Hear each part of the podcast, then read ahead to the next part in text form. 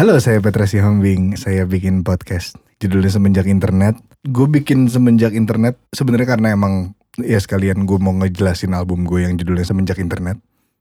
Gue akan ngupas satu lagu satu-satu dengan teman-teman yang ikutan juga di project ini gitu. Buat di lagu yang pertama, gue nulis bareng Sal Priadi yang ada di sebelah gue sekarang. Hai everyone. Apa kabar Pet? Baik dong, apa kabar? Baik dong. Itu bahasa basi. Dari tadi kita udah ngobrol. Kita kayak udah ketemu dari tadi ya. Eh, kenapa canggih Sal? Eh iya, pertama kali gue diberi kesempatan sama lo untuk nulis bareng. Terus ada satu kepikiran nada yang sebenarnya udah cukup lama gue pikirin, cuman kayaknya aduh nggak suit sama gue. Akhirnya gue mengira bahwa kayaknya ini cocok buat lu gitu. Terus dari temanya, Hmm. itu gue pernah baca eh, satu artikel dan akhirnya gue baca baca bukunya judulnya The Age of Spiritual Machine Hmm. yang nulis Ray Kurzweil. Eh, di situ ngomongin kayak eh, bahwa teknologi itu exponential growth. Jadi kayak kalau lo bayangin teknologi yang manusia berjalan beriringan, eh, manusia tuh langkahnya langkah satu, langkah dua, langkah tiga, langkah empat. Tapi teknologi tuh langkah satu, langkah sepuluh, langkah tiga puluh. Oh, maksudnya? Nah sebenarnya kan kita per- pernah bahas ini Ya. di, di WhatsApp waktu Iya, itu. nah. Gua kira maksud lo tuh kayak kalau robot tuh binary gitu kayak satu dua tiga empat lima. Tapi kalau manusia tuh kayak kayak pohon gitu Makanya. ngerti gak sih lo? Kayak kayak akar. Jadi sebenarnya langkah teknologinya, maksudnya kemajuan teknologi Oh, oke, dengan oke. kita sebagai manusia itu Ya, ya, langkahnya jauh banget gitu. Sama kayak misalnya lo kebayang nggak kayak 10 tahun lalu handphone yang lo pegang, lo 10 tahun lalu eh SD gue. eh, TK nggak sih lo? 10 tahun lalu tuh berarti gue umur 17. Iya gue baru baru oh, banget. Oh iya ding 17 ya? Iya bener. Oh iya ding 17. iya, dan gue lupa umur gue sendiri. Iya, iya. 17 tahun Iya, ya? 17 17 tahun tuh SM SMA hampir SMA. keluar SMA kan ya. itu ke, handphone lo pertama kali? Handphone lo Handphone gue pertama kali eh, gue inget banget Alcatel. Anjir. Ada karet, Kan ada tahu. karetnya. Nah bokap gue tuh emang suka yang handphone-handphone canggih aneh gitu yang pada saat itu. Itu pertama kali 17 tahun handphone lo? Enggak. ya enggak enggak sebelumnya kayak 16 gitu. Oke, dan dan cuman bisa buat telepon dan Iya. SMS doang kali ya pada saat itu ya. Gue juga ingat pertama kali handphone cuman bisa buat telepon dan SMS. Terus berkembang jadi kita bisa pakai internet. Waktu itu cuma terbatas banget ya Iya, browsernya. iya. Nah, di ilustrasinya adalah 10 tahun lalu lo nggak tahu bahwa handphone bisa kayak gitu. Dengan Hmm. sekarang keadaannya lo bisa ngapain aja pakai handphone. Iya, dan setiap hari banget kan lo Dan- kan jadi butuh Bener. Dan itu kayak attach sama lo. Maksudnya kayak eh, handphone jadi bagian bagian dari, lo iya, kan iya, iya, nggak? Dan kita nggak pernah kebayang 10 tahun kemudian, 12 tahun kemudian apa yang akan terjadi dengan handphone? Mungkin dia cuma jadi chip kecil yang akan masuk ke dalam tubuh lo dan Ah iya. iya. dan itu yang mendasari sebenarnya eh gue menulis canggih, gitu. Dari tema itu. Itu itu gue nangkep lewat liriknya sih. Ya. Tapi barusan lo ngomong gue jadi semakin tahu lebih dalam. Iya, itu maksudnya. Makanya lirik pertama itu itu sebenarnya menggambarkan iya. itu. Hmm. Kita boleh Gue ngomongin lirik pertama gak sih? gue juga gak tahu. Boleh gak sih? Boleh lah ya. Atau aja liriknya aja. Ya, gue menulis laju lari mesin-mesin ini. Dan itu waktu gue dengar pertama kali kayak Hmm. Gue nggak kebayang sih nyanyi gimana. Soalnya lo pakai gitar akustik kan Iya, itu. dan cuman gitar akustik dan suara godong dan gue menulisnya ada orangnya di sini di depan Sarah. gue tulis, maksudnya gue gue nyambungin, gue bikin liriknya tapi nadanya udah ada. Terus gue tulis, itu langsung yang keluar itu. Dan gue juga gak kebayang pet begitu jadi ya. Anjir lo jago mampus sih. Kayak itu jauh dari bayangan gue dan bisa dapat banget ngerti gak lo maksud gue? Gue tuh berasanya waktu lo ngirimin gue canggih pertama kali ya. Gue kebayang langsung maksudnya aransemennya gue kayak wah nih gue tahu nih robotik apa gini-gini. Hmm. Tapi eh gue nggak kebayang nyanyinya. Mungkin itu ya kayak eh, alasan gue juga mencoba untuk berani gue nulis sama orang lain Ya. gitu. Dan ternyata di saat gue nemu cara nyanyi yang enak, gue dapet kesenangan yang lain lagi Oke, tuh. yang nggak pernah lo temukan ketika Iya, lo menulis lagu gua- sendiri. Dari dulu kayak gue sangat tertutup untuk untuk bagian songwriting. Kayak menurut gue itu lo tau lo tau lah Ya. rasanya gitu kayak nulis sendiri apalagi untuk topik-topik yang memang personal banget gitu. Setuju. ada ada orang lain masuk ke dalam ruangan ruang lo Ya, ruang lo- bertapa ruang kreatif. gitu. Ya. Tapi ini pertama kalinya lo berarti, maksudnya dulu pernah sama band kan di Hmm, iya, lagu Mine. Itu pertama kalinya lo menulis sama orang lain yang bukan band gitu. Eh, pernah sebenarnya ada satu lagi temen gue Gani. Hmm. Sebenarnya pernah beberapa kali, cuma gue belum pernah nulis sama eh, orang yang juga penulis lagu yang rilis lagunya. Oke, singer Yang- and songwriter. Iya, ya? singer songwriter yang yang emang emang lo berkarya. Iya, dan ini yang bikin gua kaget sebenarnya. Maksudnya lo sebagai singer and songwriter, lo memberikan ruang yang gede menurut gua, bahkan untuk singer songwriter lain ikut bantuin dan ikut nulis lagu buat album lo itu gitu. Dan itu menarik banget dan gue berterima kasih banget. Sama-sama lo. Dan ruangannya cukup besar kan yang gue kasih. Ruangan nah, menulis menulis bareng lo itu gini, gue tuh nggak gua gua nggak kebayang maksudnya kayak yang tadi lo ceritain bahwa ada ruang kreativitas yang yang kadang-kadang tuh kita nggak mau orang lain masuk gitu. Ah, Cuman di keadaan ini selalu cerita tema besarnya dan lo memberikan keleluasaan buat gua untuk gue mau ngomongin apa sih nih yang yang gua nggak belum bisa omongin di gua, maksudnya di karya Iya, gua, iya. di karya gua sendiri. Gua gue kebanyakan ngomong romansa, gue nggak nggak punya ruang untuk ngomongin ini dan tiba-tiba lo datang dan ngasih ruang seluas ini dan bekerja sama lo luar biasa banget. Itu yang yang anjir apa katanya peres peres luar biasa karena ya itu maksudnya ruang kreativitasnya bisa dilebur gitu dan gue seneng banget. Dan gue merasa akhirnya kayak gue bisa nyambung eh, at a certain level sama lo. Iya. Di saat kita nulis gitu. Mhm. Kayak eh gue nulis sama yang lain juga kan ada Mhm. ada ada ada teman-teman lain yang gue nulis bareng. Tapi rasanya kayak di Canggih gue bisa agak lebih lepas mungkin ya. Hmm. Kayak gue bisa memberikan lo kebebasan yang agak lebih nggak tahu kenapa kayak in a way gue percaya gitu. Iya, nah gue tuh kebayang waktu kayak beberapa kali gue tektokan sama lu, Ah. gue tuh kebayang kayak ah biarin deh kalau misalkan mau dua Petra nggak apa-apa deh gitu. Hmm. Gue tuh udah kayak persiapan gitu ngerti nggak Eh. Tapi ternyata turns out lo memberikan ruang seluas itu cuy. Maksudnya kayak bahkan lo tek, di tektokan kita, bahkan gue kayak pet kayaknya di depan ini tambahin ini apa segala macam. Lo tuh terbuka dengan itu Ah, gitu. Itu yang yang gue cukup salut sih dengan. Tapi akhirnya nggak gue pakai yang depan, nggak apa-apa. ya? Iya nggak apa-apa. Nggak, maksudnya kayak ada ada beberapa hal yang terus habis itu kayaknya menurut gue ini apa segala macam. Iya, lo iya. terbuka dengan itu gitu. Dan itu seru banget tulisannya. Asik asik. Canggih. Oke. Terus Jadi asik-asik tuh ntar buat eh, transisi ya pemirsa. Pemirsa. Jadi berarti gue nggak controlling kan kalau lagi bikin karya. Enggak. Nggak ya? Lo, lo Dengan segala itu. keariesan gue. Tapi mungkin itu yang yang membuat gue jadi merasa nyaman sebenarnya. In the first sih? place. Maksud gue iya? kayak kalau gue lu pertama udah ada kali Sarah, gue jadi nggak enak. Eh, gimana maksudnya? Maksud gue kalau mungkin gue menulis sama orang yang, maksudnya gue pertama kali juga menulis lagu buat orang lain sebenarnya, Pet. Oh oke. oke. Di buat Serius lo ya? loh? Iya. Eh, terima kasih loh. Sama-sama. Sudah mau membuka. Eh, ini pertama kali dan kalau mungkin pertama kali gue diberikan ruang yang kecil Hmm. dan kayak aduh ke kiri nabrak ke kanan nabrak gitu. Ah, itu iya, gue iya. juga mungkin akan ciut cuy. Hmm, iya, iya, ngerti Tapi gue. Alhamdulillah ya itu lo dan ya gue ngerasa senang sekali. Tapi kontrol itu hal yang penting gak sih menurut lo dalam dalam berkarya? Maksudnya eh ya mungkin kalau kalau lo berdua beda kali ya ngebahas kontrol. Ya. Beda lagi gitu. Cuma di saat lo sendiri gitu bikin Ya. eh, apalagi lo mau rilis album baru gitu. Album pertama. Album pertama, benar sekali. eh seberapa controllingnya sih lo terhadap semua elemen-elemen di, Oke, di musik lo sendiri gitu? oke. Jadi kalau kalau gue dalam proses penulisannya gue pasti sendirian dan nggak bisa dibantu sama orang lain. Hmm, hmm. So gue nggak pernah minta eh pendapat ketika dalam proses penulisannya. Oke, Cuman iya, karena iya. produksi itu gue nggak, maksudnya gue baru masuk di industri ini dan secara produksi secara produksi gue selalu nanya ke orang lain. Seharusnya adalah lo kan. Nah dan dan manajemen gue tentunya.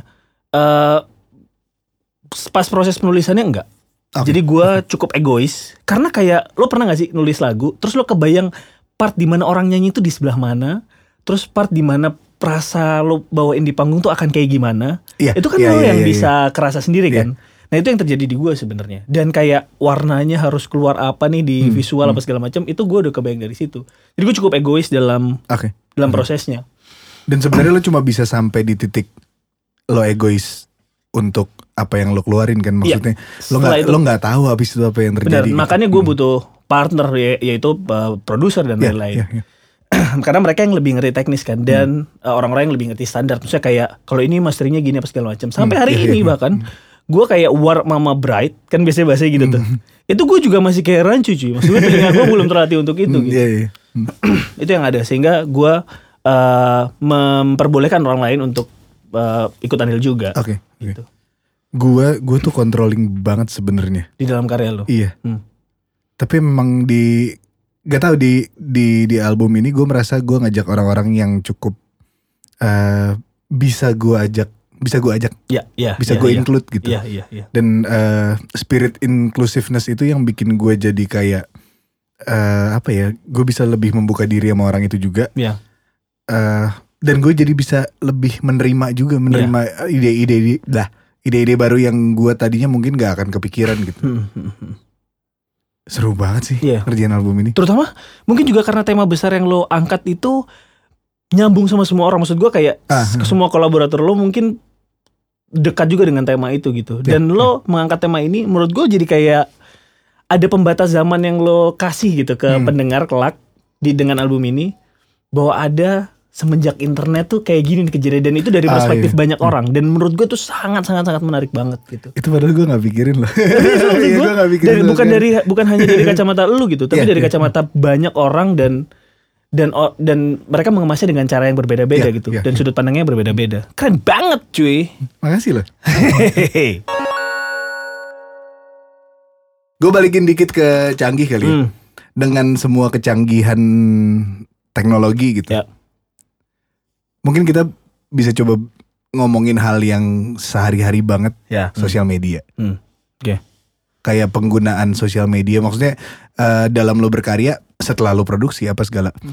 Salah satu cara yang lo pakai untuk mempromosikan eh, karya lo Karya. adalah lewat sosial media gitu. Ya. Lo lo sempat ngerasain promosi nggak lewat sosial media nggak? Eh, sampai saat ini enggak, kayaknya gue selalu menggunakan Sosial media. media. Iya. Eh, apa ya pertanyaannya? Mungkin lebih kayak Apa yang berbeda dari iya Oke. Hmm. Sejak ada sosial media, sejak ada internet aja. Sejak internet memudahkan internet. kita, semenjak internet. Dan semenjak sosial media, Hmm. gue merasa eh, lo pernah nggak masuk di fase ketika lo bikin lagu, Hmm. langsung kayak kepikiran gue akan eh campaignnya akan kayak gini nih, kayaknya tepat gitu.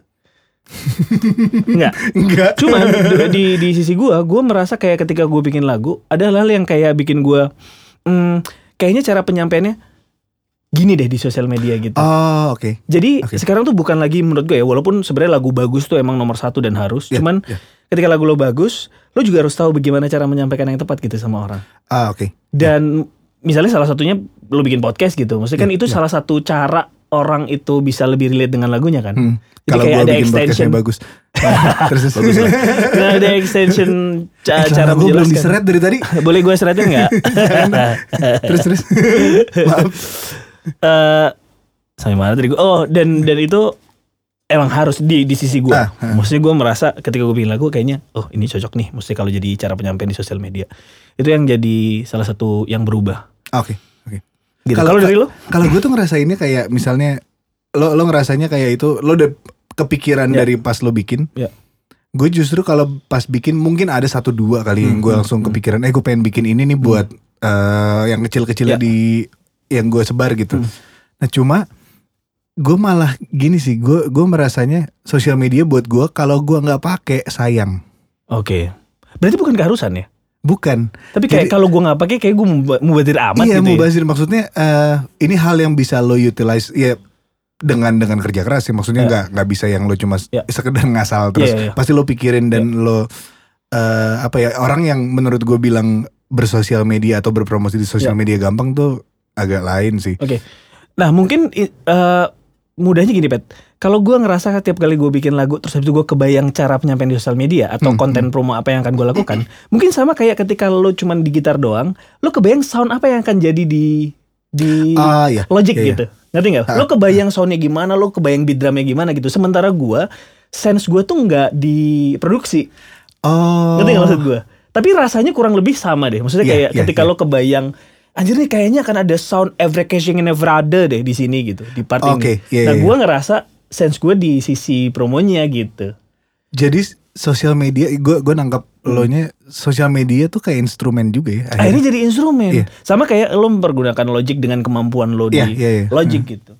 oh wow Dan itu dan Iya, itu iya. luar biasa banget kan. Akhirnya kayak zaman dulu mungkin lo nggak gini. Kalau lo lo kan udah cukup lama di industri ini Hmm. dan lo ngerasain ketika lo cuma bisa bikin lagu dan lo nggak bisa operate. ya ya ya kan?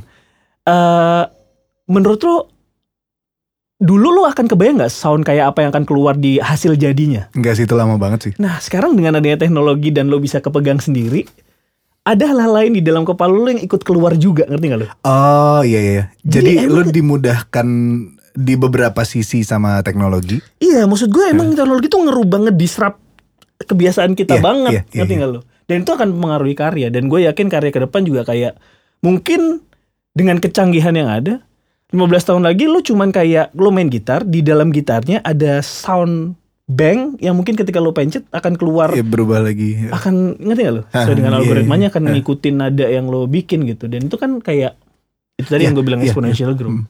Kayak gitu tuh sebenarnya udah ada kayak misalnya lo di eh, apa namanya di Logic atau di mana pun sebenarnya Uh-huh. Pro Tools Hmm. ada satu satu software namanya Xfer. Gue eh, company Xfer cuma apa gue lupa plugin? plugin. Hah? Nah si plugin ini kalau lo iniin dia bisa langsung kayak lo pencet satu Note. satu note gitu, dia jadi chord. Terus ntar dia kayak Oh. randomizer cuma nggak random kayak ada hitungannya gitu. Terus kayak lo jadi Anjing, bisa jadi jadi bisa main chord. Dan lo bisa langsung bikin nyanyi dong. Maksudnya kayak lo iya. cuma pencet satu doang. Kayak, oh ini rasanya enak. Oke, abis ini ke mana ya ke sini? Eh enggak. Eh iya. oh ke sini. Oh ini enak nih. Iya, Jadi iya, cepet iya, banget iya, gitu. Iya, iya, Dan itu aja menurut gue salah satu contoh kayak kecanggihan teknologi membantu kita berkarya sih. Mm. Tapi lo eh, ada nggak? Maksudnya kayak ketika lo tahu banyak plugin apa segala macam Ah, dan, ah. dan lebih mempermudah lo, ada rasa yang hilang nggak? Maksudnya kayak kok gue dipermudah segininya ya? Misalnya kayak ilustrasinya misalnya kayak GPS gitu. Oh, Kayak hmm. sekarang kita nyari jalan dulu kan kayak kita turun tanya ke orang gitu. Ya. Sekarang kayak kita Ya. kayak mau jari, dari jalan gue yang baru pindah ke Jakarta dari titik A ke titik B, gue tinggal ngikutin GPS. Hmm, Dan itu menurut gue melemahkan ingatan. Oke. Maksud gue kayak Ya. kalau gue nggak, jadi gue akan lebih lama ngapalin jalan. Ngerti nggak Oke. maksud gue Ya, dengan ya, adanya bantuan itu. Dan menurut lo di era ini dan apa yang lo lakuin dengan peralatan kecanggihan Hmm, lo, ada hal-hal yang lo rasa lebih lemah nggak? Eh, secara natural pasti ada ya. Pasti ada yang lebih lemah. Apa yang paling yang kayak ilustrasi tadi gitu, yang paling bikin lo, misalnya kayak tadi chord, gue tinggal pencet doang. Hmm, hmm. Or auto tune gitu misalnya apa? Eh, voice auto tune. Eh, ya autotune. atau Ya, apalah ya. itu. Itu lo menurut lo gimana? Yang yang bikin sebenarnya kalau gue selalu ngebaginya dua sih. Ada ada waktu lo belajar dan ada waktu lo bermain. Oke. Dan di saat lo berkarya mungkin lo nggak sebelajar itu. Lo lebih banyak ke mainnya. Hmm. Cuma di waktu lo belajar tuh kayak eh menurut gue itu waktu lo untuk menguatkan hal-hal yang menurut lo Oke. lemah. Oke. Dan menurut gue yang melemah adalah hal-hal yang lebih fisik sih kayak kalau main gitar tuh tone banget kan maksudnya jari banget gitu. Jari ketemu ketemu senar, ketemu fretboard, Heeh. masuk ke jadi arus listrik, Iya. terus keluar dari kabel ke ampli, terus bunyi gitu. Itu semuanya kayak sangat-sangat analog kan. Cuma gue nggak tahu itu karena memang teknologi membuat gue jadi lebih fokus ke hal-hal yang berbau digital Iya, iya, iya. atau memang gue males aja. Enggak, cuman akhirnya ada yang berubah, maksudnya ada yang melemah di Iya, iya. skill-skill itu kan. Cuman jagonya adalah ketika kita tahu fakta bahwa itu bisa dibenerin diberesin lewat teknologi. Iya, ya. iya. Itu sih Sama sama ini sih sebenarnya sebenarnya. kalau kalau menurut gue itu lebih ke mindset sih. Oke. Kalau di di saat lo udah eh, di saat lo tahu lo mau bikin sesuatu, Hmm. teknologi itu bikin itu jadi cepet banget. That's why exponential growth Iya, tadi. iya. Tapi, tapi di saat lo belum tahu mau ngapain, teknologi tuh bisa akan- bikin lo kayak anjir iya itu bagus "Uh." banget. Lo akan ketakutan sendiri dengan kemajuan ini kalau lo nggak juga cepat iya. menyerap. Iya, Jadi benar. memang kalau menurut gue emang harus ada dua space itu, space lo belajar dan space lo dan bermain. space lo bermain. Gue selalu kayak misalnya gue baru plag- beli plugin baru gitu. Hmm. Gue nggak akan langsung pakai di Buat kerjaan gue. Gue Hmm. takut banget. Hmm. Gue takut malah gue jadi mem- mem- mempelajari si plugin itu terus malah jadi kayak Nggak eh apa tadi idenya apa ya? Eh tadi gitarnya gimana ya? Gue pengen malah udah udah ada gitu hilang. tadi di kepala gue hilang gitu. Jadi emang ya menurut gue emang teknologi ya gitu sih. Ya. Ya gitu sih. Ya gitu sih. Jadi yang lo tulis hidup memang harus canggih, Hmm. tapi pastikan kau yang pegang kendali. Ya. Ya itu sih yang kita ngobrol- ngobrolin. Benar. Nah, walaupun di dasarnya tentang itu tadi bahwa teknologi berjalannya lebih cepat dan kita eh, ada kemungkinan untuk masuk dan melebur dalam teknologi. Iya. Cuman di dalam lagu ini gue juga pengen mengingatkan bahwa lo jangan sampai lupa nyet bahwa lo tuh manusia gitu. Iya, Dan iya. manusia dengan semua kecanggihan yang udah lo punya Hmm. itu jauh lebih mewah dibanding extension-extension yang diberikan sama teknologi iya. gitu. Kalau lo ngeliatnya gimana? Itu sih kayak teknologi itu sampai sekarang gue melihatnya itu extension. Ya. Itu perpanjangan tangan atau uh, bikin hidup lo lebih mudah Ya. atau ya yang memang bukan itu bukan jadi bagian dari lo. Ya. Gue merasanya kalau buat gue di saat itu udah menjadi penghalang buat Ya. gue atau mungkin hal yang jadi gue butuh. Ya. Akhirnya jadi agak salah kayak sekarang setelah gue nyobain ya jadi plugins lagi plugins by the way itu kayak apa ya bilangnya software lah Ya, ya, aplikasi ya. gitu di di Di dalam di dalam software. software buat ngerekam audio Hmm. yang lo bisa pakai buat memanipulasi suara atau apa pun itu. Eh, di saat gua udah nyobain banyak banget ribuan plugins, Hmm. gue jadi tahu sebenarnya kayak oh gue butuh ini buat ini, gue butuh ini buat ini. Jadi di saat gue udah pelajarin semuanya itu, akhirnya dia bukan jadi hal yang gue butuh.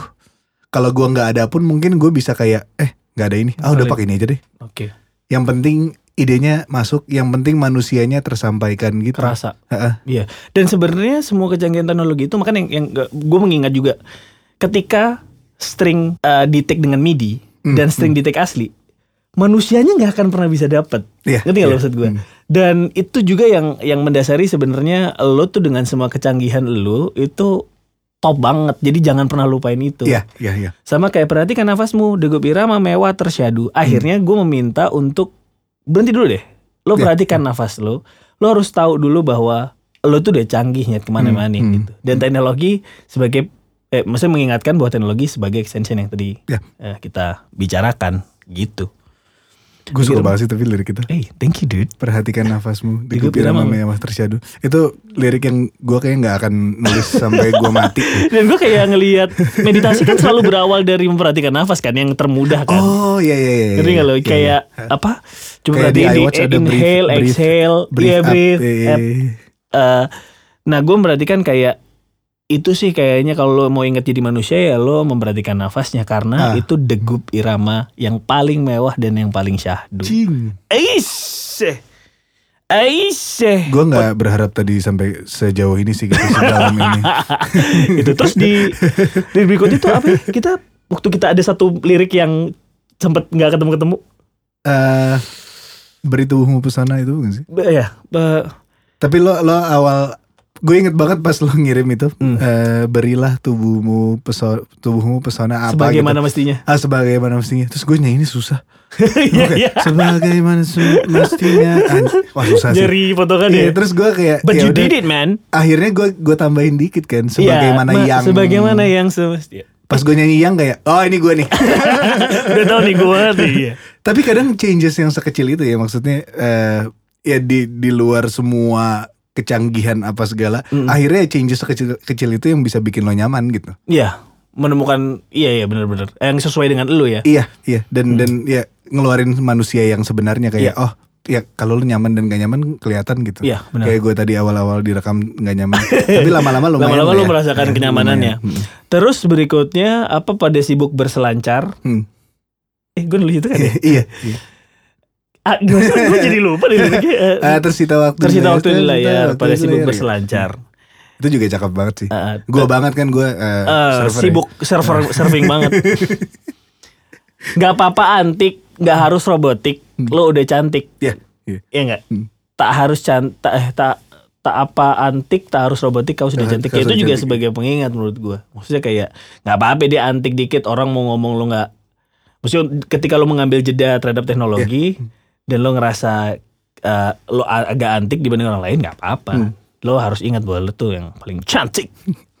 Dan gue suka banget lo selalu ngebalikin ke si pre-chorus kayak berhenti bentar ya, Ah, berhenti dulu ya, santai gitu. hmm, hmm. Terus kayak appreciate diri lo gitu. Hmm. Terus kayak apa? Bilang terima kasih, bersyukur. Maksudnya Iya. di lagu ini di tengah semua kericuhan instrumen di bagian-bagian lagu yang lain Iya. di saat lo ke pre-chorus kayak benar. Iya. Dan ada sans satu dulu gitu. Bener. Dan ada satu bagian yang mungkin ketika lagu ini rilis lo pada pasti ngerasain. Ada jeda yang emang lo kasih buat pendengar. Ah. Yang belakang yang maksudnya kayak cukup. Oh, oh iya iya iya. Dan iya, lo iya, iya. menciptakan suasana yang gak cuman secara lirik, Pet, menurut gue. Gue gak pernah kepikiran itu Iya sih sebenarnya kayak perhatikan apa supaya supaya orang juga ikut berhenti dan menyimak dari lirik yang Iya, iya, yang iya. yang maksudnya muatannya bisa dibilang kalau misalkan mau dirasa cukup berat dari muatan itu lo kasih jeda supaya orang tuh bisa baca liriknya sambil Ah, dengerin hmm. apa yang lo bikin kan di Iya, dalam situ secara musik. Gue gak kepikiran itu sih, tapi itu keren. Tapi itu wow kan, maksudnya kayak gue pikir lo emang menempatkan itu di Gue pengen solo gitar aja. Dan bass lainnya sih juga cakep ya. eh berapa menit sih Pat jadinya lagunya? Eh lagunya lumayan lama sih, 6 menit, 6 menitan. hampir, dude. hampir 7 menit. Iya. Tapi pas emang em- emang iya sih si bagian si bagian terakhir itu gue merasanya jadi ada waktu untuk lo kayak setelah diomongin semua hal yang Ya. eh, berilah tubuhmu pesona sebagaimana semestinya Hmm. apa segala. Dan itu secara kayak ketu- bukan ketukan ya apa ya ngomongnya? Kalau dari depan kayak det det det det det gitu kan. Maksudnya Nah. apa sih? Ya, instrumennya rame gitu. Iya, iya. Dan di bagian itu padat lo gitu. bisa eh padat dan di bagian itu lo kayak kasih emang kasih jeda Space, gitu. iya. Dan ngebuat orang jadi lega dan bisa mencermati lagi liriknya. Kalau yang bikin lo lebih lega apa Sal? Eh, Jangan perasaan- jawab itu. Kita kembali setelah pariwara berikut ini.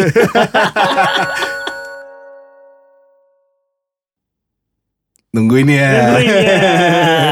Kalau lo apa yang yang bikin lo happy atau yang lo syukuri, yang lo seneng gitu? Di titik ini Hmm. banyak banget lah pet ngelihat gua setahun dua tahun tiga tahun lalu dan ngelihat gua di titik ini anjir gua gak kebayang cuy lo pernah nggak kebayang gitu maksudnya kayak di titik lo lima tahun lalu dengan semua kehancuran dan dark Wah anjir age-nya sih. dan lo gak kebayang di titik sekarang yang kita eh gue tur apa Java Iya, tour iya, sama iya, iya. Jevin Ah. terus gue cerita Ah. gara-gara kita kebanyakan makan Mm, Iya, kebanyakan makan, makan banyak banget. Makan banyak banget. Oh, makanannya Terus, cair lagi botolnya hijau kalau bubur, bubur. Iya. Terus? Apa ya? Kalau kalau gue lebih eh bukan bukan hal yang bikin gue happy doang sih kayaknya. Hmm. gue lebih merasa kayak nungguin ya? Eh apa ya? Gue gue malah sekarang mikirin kalau kalau orang-orang di sekitar gue happy maksudnya ya keluarga gue semenjak gue ada punya anak gitu. Hmm. Ada punya anak Ada punya anak. semenjak gue punya anak happiness gue jadi kayak apa ya levelnya berkurang bukan bukan jadi nggak happy cuma untuk gue happy jadi lebih gampang Jadi lebih mudah ya. Ah, jadi Gak kayak dulu mudah. Iya, cari iya. happy itu gimana. cuma memang gue harus ya itu kayak harus hidup bareng nggak cuma di handphone doang gitu Iya, iya, iya, iya. makanya kayak di saat gue bisa memisahkan dua dua hal itu Hmm. akhirnya jadi kayak gue bisa bisa main sama anak gue which is hal yang sebenarnya sangat simpel gitu. Kayak lo duduk doang kadang-kadang cuma Iya, duduk iya, doang sekarang sih enggak sih sekarang gue lari cuma lo duduk sama dia aja itu udah eh gue gue duduk sama dia gue udah bikin gue happy banget. Iya, cuman lo bayangin ya hal hal sesimpel itu dengan lo cuman duduk doang Hmm. dan enjoy small things kayak yang kayak gitu itu buat banyak orang di luar sana susah banget pet untuk bisa lepas. Ngerti gak sih maksud gue Iya, untuk bisa iya, lepas iya. dari berarti kan gila banget nih maksudnya kekuatan teknologi dan gimana kita ketergantungan sama dia berarti kan Hmm. gila banget nih sebenarnya kekuatan itu. Walaupun caranya menurut- simpel banget ya. menurut lo perlu dipisah nggak? Kehidupan lo berinternet dan kehidupan lo di di dunia fisik gitu. setuju lah. Maksudnya ya sep- seperti lirik yang ditulis juga. Maksudnya Wah, gue mau bayang maksudnya nih, maksudnya, maksudnya, lo ngerti gak sih maksud gue? Terus apa lagi? Biasanya gue ngomong, Ntar gue bikinin blue, eh bloopers Apalah apa segala macem yang gitu. di maksudnya sal satu, maksudnya dua, maksudnya tiga. disuruh ngitung. Eh, ya dipisah ya. Maksudnya lo harus kembali merasakan bahwa lo itu udah cukup canggih. Lo rasain lagi pesona yang gue ngomong pesona tubuh lo adalah lo rasain lagi betapa tubuh lo itu se indah itu gitu. Hmm. Nafas kalau lo bayangin ada yang dibantu nafasnya, terus lo cuma nafas Hmm. gini doang dan Iya, lo iya. mera- merasa, maksudnya lo mensyukuri itu, itu hal yang luar biasa banget menurut gue. Menurut lo Luar biasa. luar biasa. Ada apa nih? Masih ada lagi.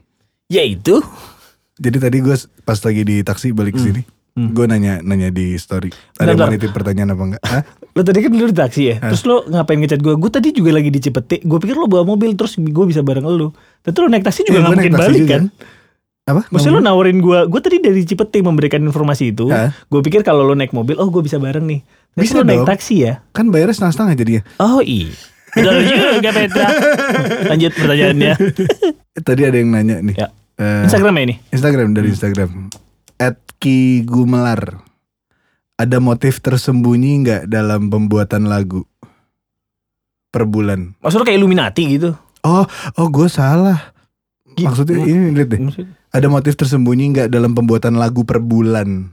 Perilisan mungkin maksudnya. Ada motif tersembunyi gak dalam pembuatan lagu? Oh, nggak maksud lo pertanyaan strategi bercanda. Iya. strategi lo dalam ngerilis lagu per bulan, bulan, itu iya, iya, iya. apa maksudnya? gue gue kira tadi pertanyaan Iya, bercanda iya. gitu lo ada iya. motif tersembunyi nggak dalam Illuminati. pembuatan lagu? Sik sik sik.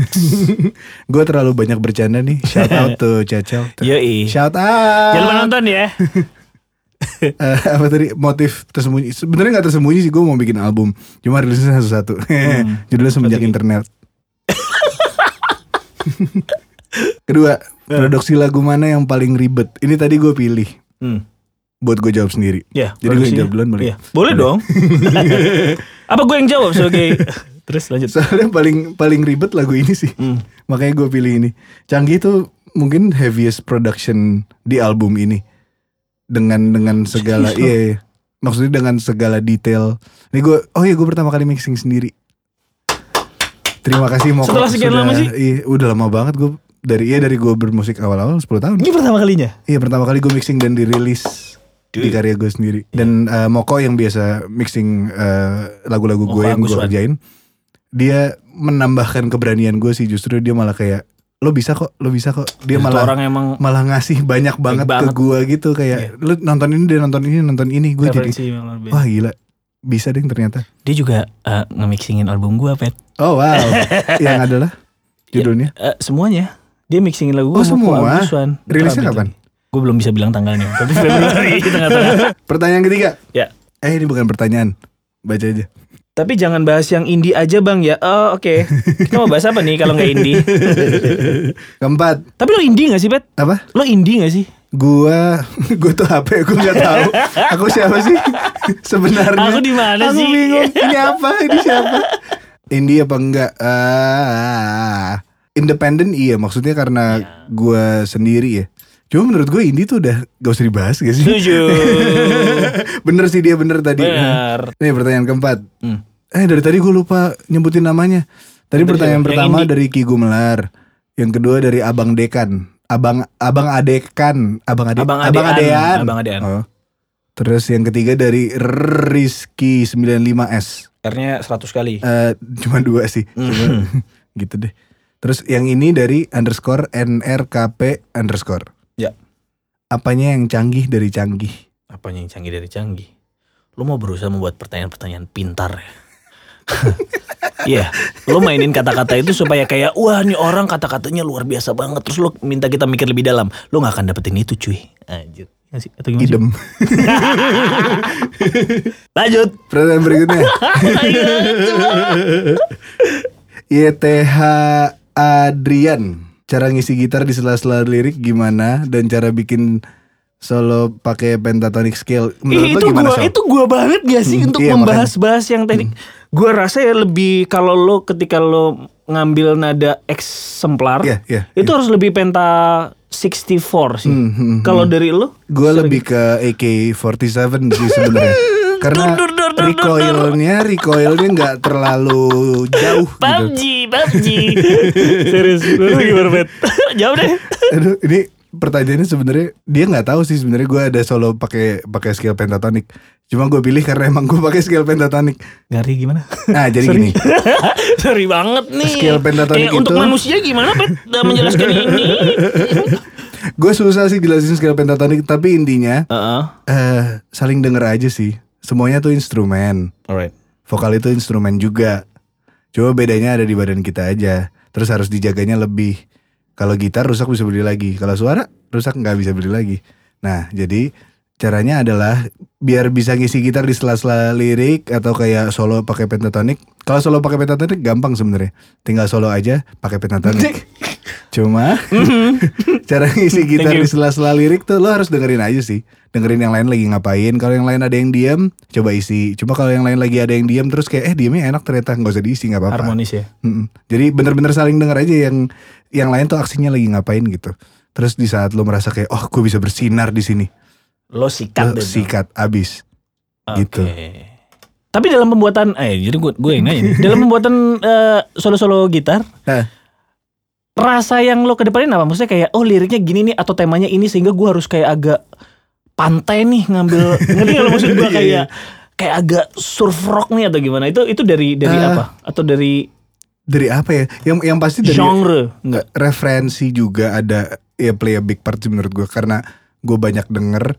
Cuma kalau udah bikin tuh udah No, no, maksud gue kayak lo, ketika di lagu nih, Hah, terus eh, lo ngisi part gitar nih. hah. Yang lo lihat itu secara lirik apa secara musik dan rasa doang? Eh, Nanti kalau secara lirik kayak oh karena liriknya ngomongin tentang ini jadi gue kayak agak belibet deh dikit deh gitu. Iya, Apa cuma iya, iya. rasa musiknya doang? Ada mempertimbangkan itu nggak? hmm, lirik nggak segitunya sebenarnya. Cuma gue gue selalu dengerin terakhir tuh lo ngomong apa gitu. Hmm, Kayak dari situ- ke mana? Dari situ gue bisa decide either gue sambungin Ya. atau gue patahin. Hmm. Sebenarnya seperti berinteraksi, eh, seperti ngobrol, cuma bukan Oke. ngobrol yang pakai kata-kata gitu. Gue lebih kayak rasa yang gue dapet dari dia saat dia nyanyiin lirik ini tuh apa. Hmm. Rasa itu yang gue masukin ke solo gitar gue bisa banyak banget gitu. Ya. Outcome-nya. Berikutnya dari ini mah dari Jesslyn, Jesslyn Junia tak apa Jesla. yang apa yang bikin lo selalu termotivasi untuk konsisten? Terus pastikan ada titik jenuh gimana caranya back on track? Hmm. sama maaf BM satu lagi hehe. Lo pernah gagal nggak kegagalan terbesar lo? Ini panjang Ih. banget. Bisa satu sesi sendiri ya. lo berharap gua akan jawab pertanyaan yang sedalam ini di saat gue lagi promosi lagu gue yang baru sama Sal Priadi yang judulnya Canggih yang akan ada di album gue semenjak internet dan di Iya. podcast ini. Iya. episode 1 Aha. yang nanti bisa gue cut juga akhirnya pertanyaan ini. Ah, jangan harap. Kita eh lo Petra. Akan menza eh lu beneran gak mau jawab nih Pet? Gue kenal orangnya Pet jadi kayak oh ya udah sih. Ntar gue jawab di story aja ya. Alright Ya ini pertanyaannya gini. Cuma bisa lah. Lagu tercanggih di album terakhir. Gue ya terdekat dengan kata canggih dan disambungkan dengan album gue wow.